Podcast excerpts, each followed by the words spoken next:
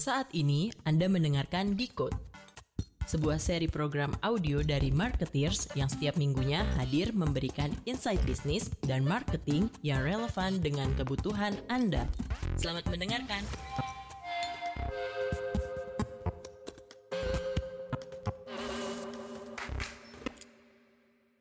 Good marketing, great insight anytime. Hai marketers, uh, jumpa lagi bersama saya Ardan di, di podcast Decode by Marketers. Uh, kali ini kita masih dalam masa work from home nih. Uh, di samping saya, di jauh sana sudah ada Mas Ardi Ridwansyah. Apa kabar Mas Ardi? Halo Ardan, baik. Sehat semua ya di sana ya? Ya, Alhamdulillah. Semoga kita semua selalu sehat nih. Uh, hari ini kita bakal ngobrolin tentang pemasaran di masa krisis khususnya bagi para pelaku UKM ya Mas Ardi ya. Ya betul. Nah kalau dari Mas Ardi sendiri menilai dampak dari corona ini sekarang gimana sih Mas untuk para pelaku UKM khususnya?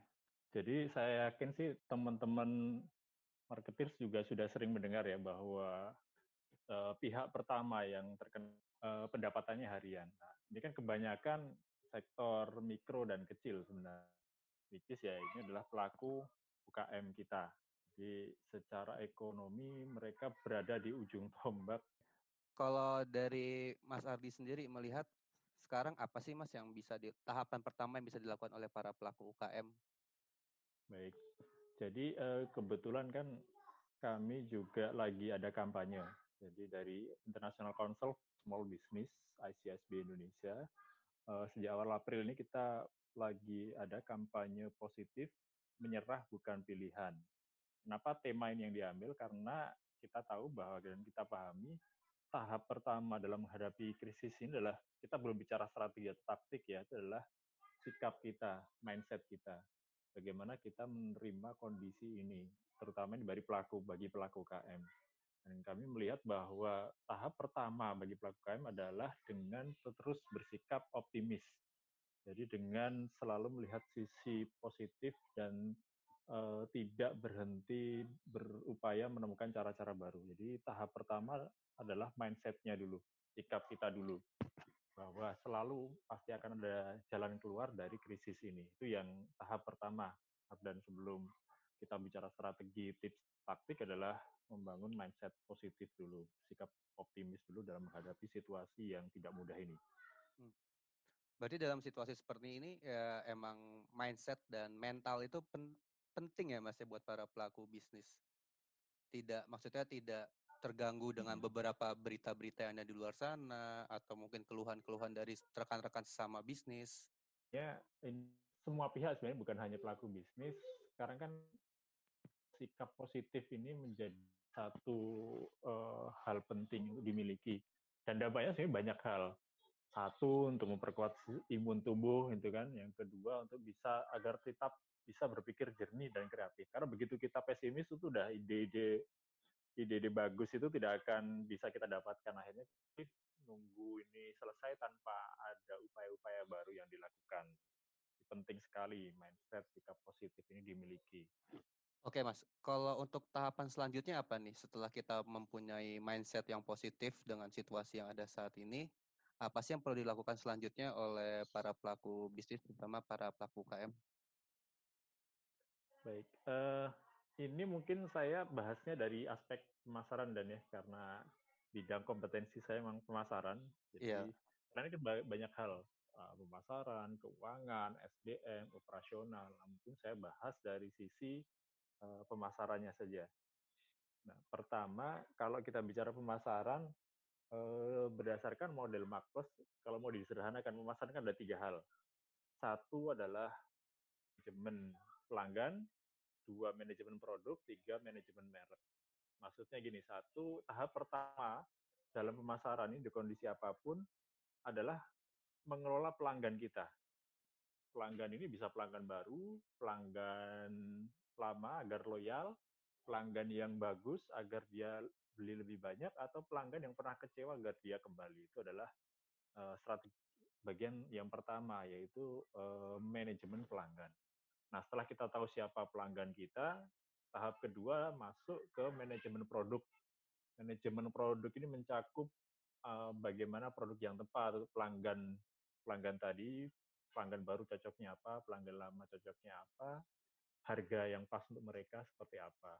Lalu distribusi agar barang kita nyampe ke mereka juga seperti apa. Itu manajemen produk. Dan yang terakhir adalah manajemen merek. Bagaimana kita mengkomunikasikan produk yang kita, kita miliki tadi kepada pelanggan pelanggan-pelanggan kita.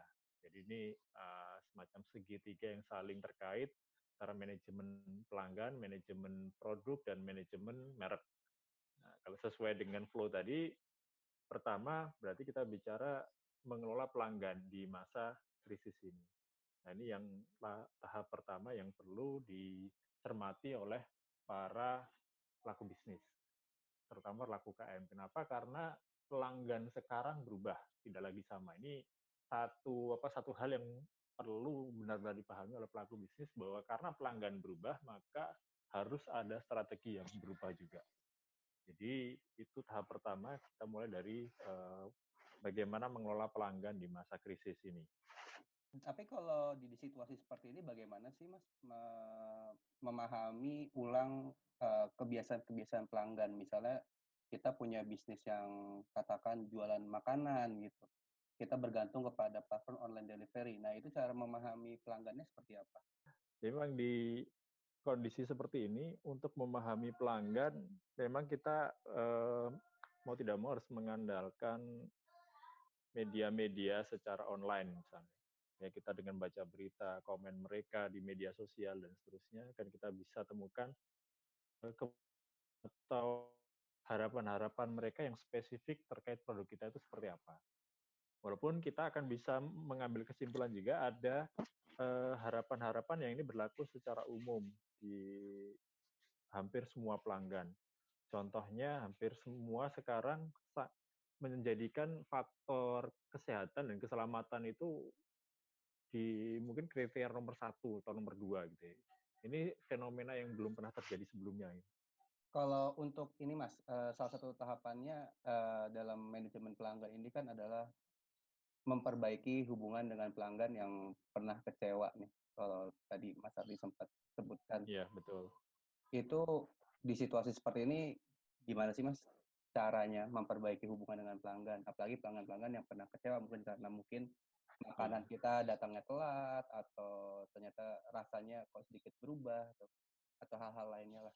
Jadi eh, salah satu peluang yang muncul di era sekarang itu kan hampir semua orang sekarang berada di rumah ini, baik yang bekerja maupun yang sekolah sekarang dipaksa untuk menghabiskan waktu lebih baik di rumah.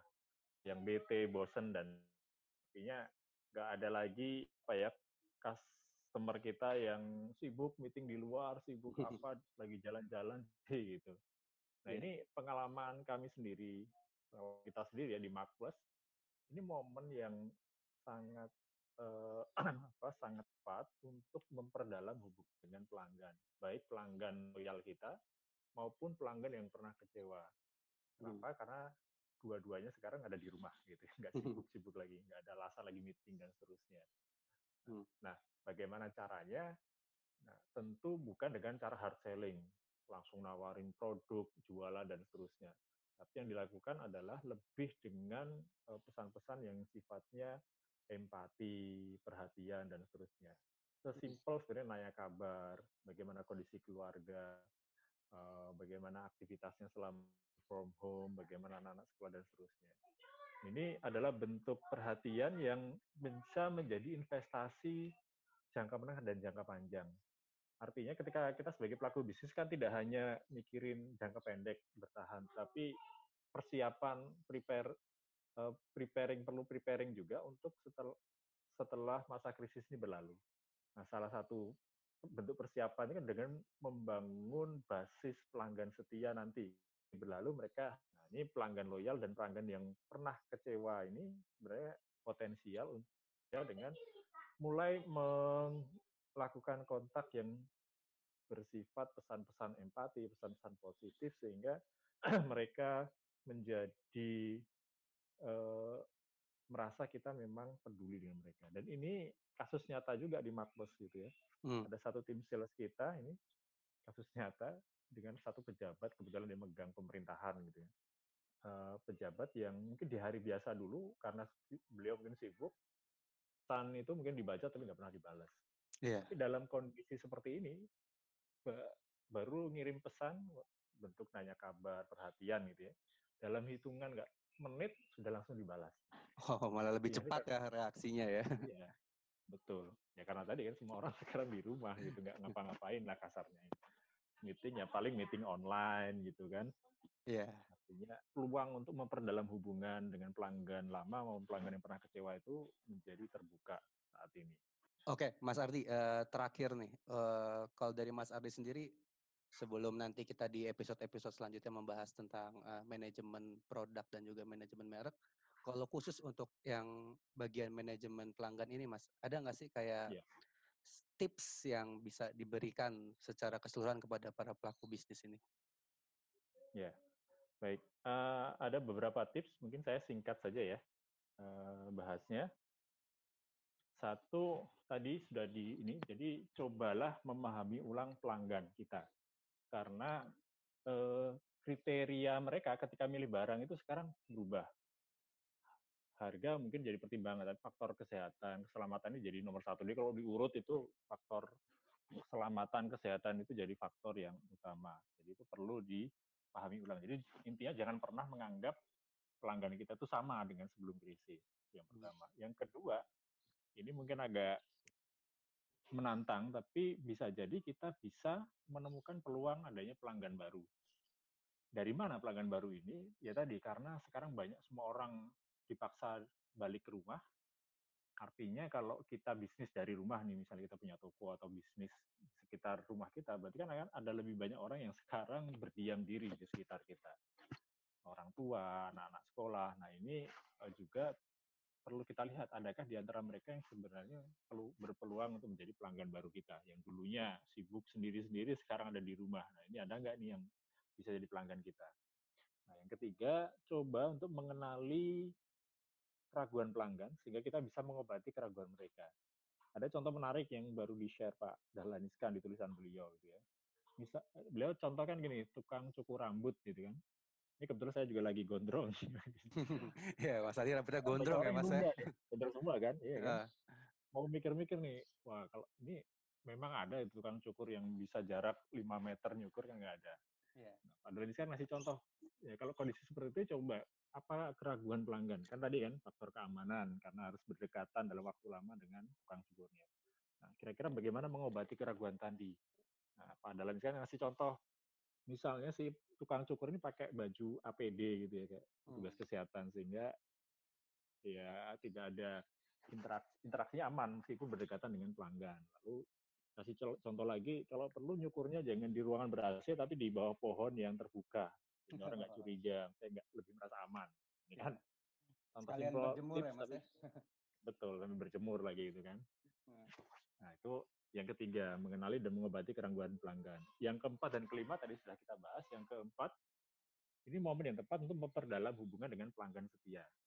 Saya kaitkan lagi yang kelima, ini juga momen yang tepat untuk memperbaiki hubungan. Yang satu tadi memperdalam hubungan, yang kelima memperbaiki hubungan dengan pelanggan yang pernah kecewa. Hmm. Caranya seperti apa? Tadi sudah dibahas, itu dengan bentuk pesan-pesan positif yang menunjukkan simpati dan perhatian. Jadi jangan intinya jangan jualan gitu ya, tapi ini adalah waktunya untuk berbagi perhatian. Jadi ketika krisis ini berlalu, pelanggan-pelanggan ini akan ingat dengan kita harapannya. Oh ini dulu yang perhatian, jika masa susah dia yang perhatian, ya, mendoakan dan seterusnya. Kurang lebih itu lima tipsnya untuk mengelola pelanggan di masa krisis. Hmm.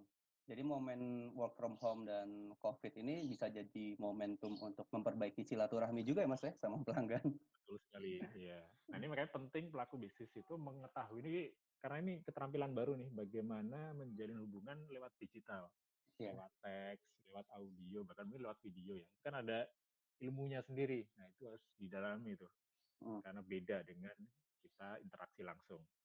Oke, baik Mas Ardi sudah mau bergabung bersama podcast di Code by Marketers hari ini. Nanti kita akan ketemu lagi di episode-episode selanjutnya. Kita akan bahas tentang manajemen ini ya Mas ya, manajemen produk dan manajemen merek ya. Terima kasih banyak Mas Ardi. Semoga sehat selalu Mas Ardi dan keluarga di rumah sana. Sama-sama.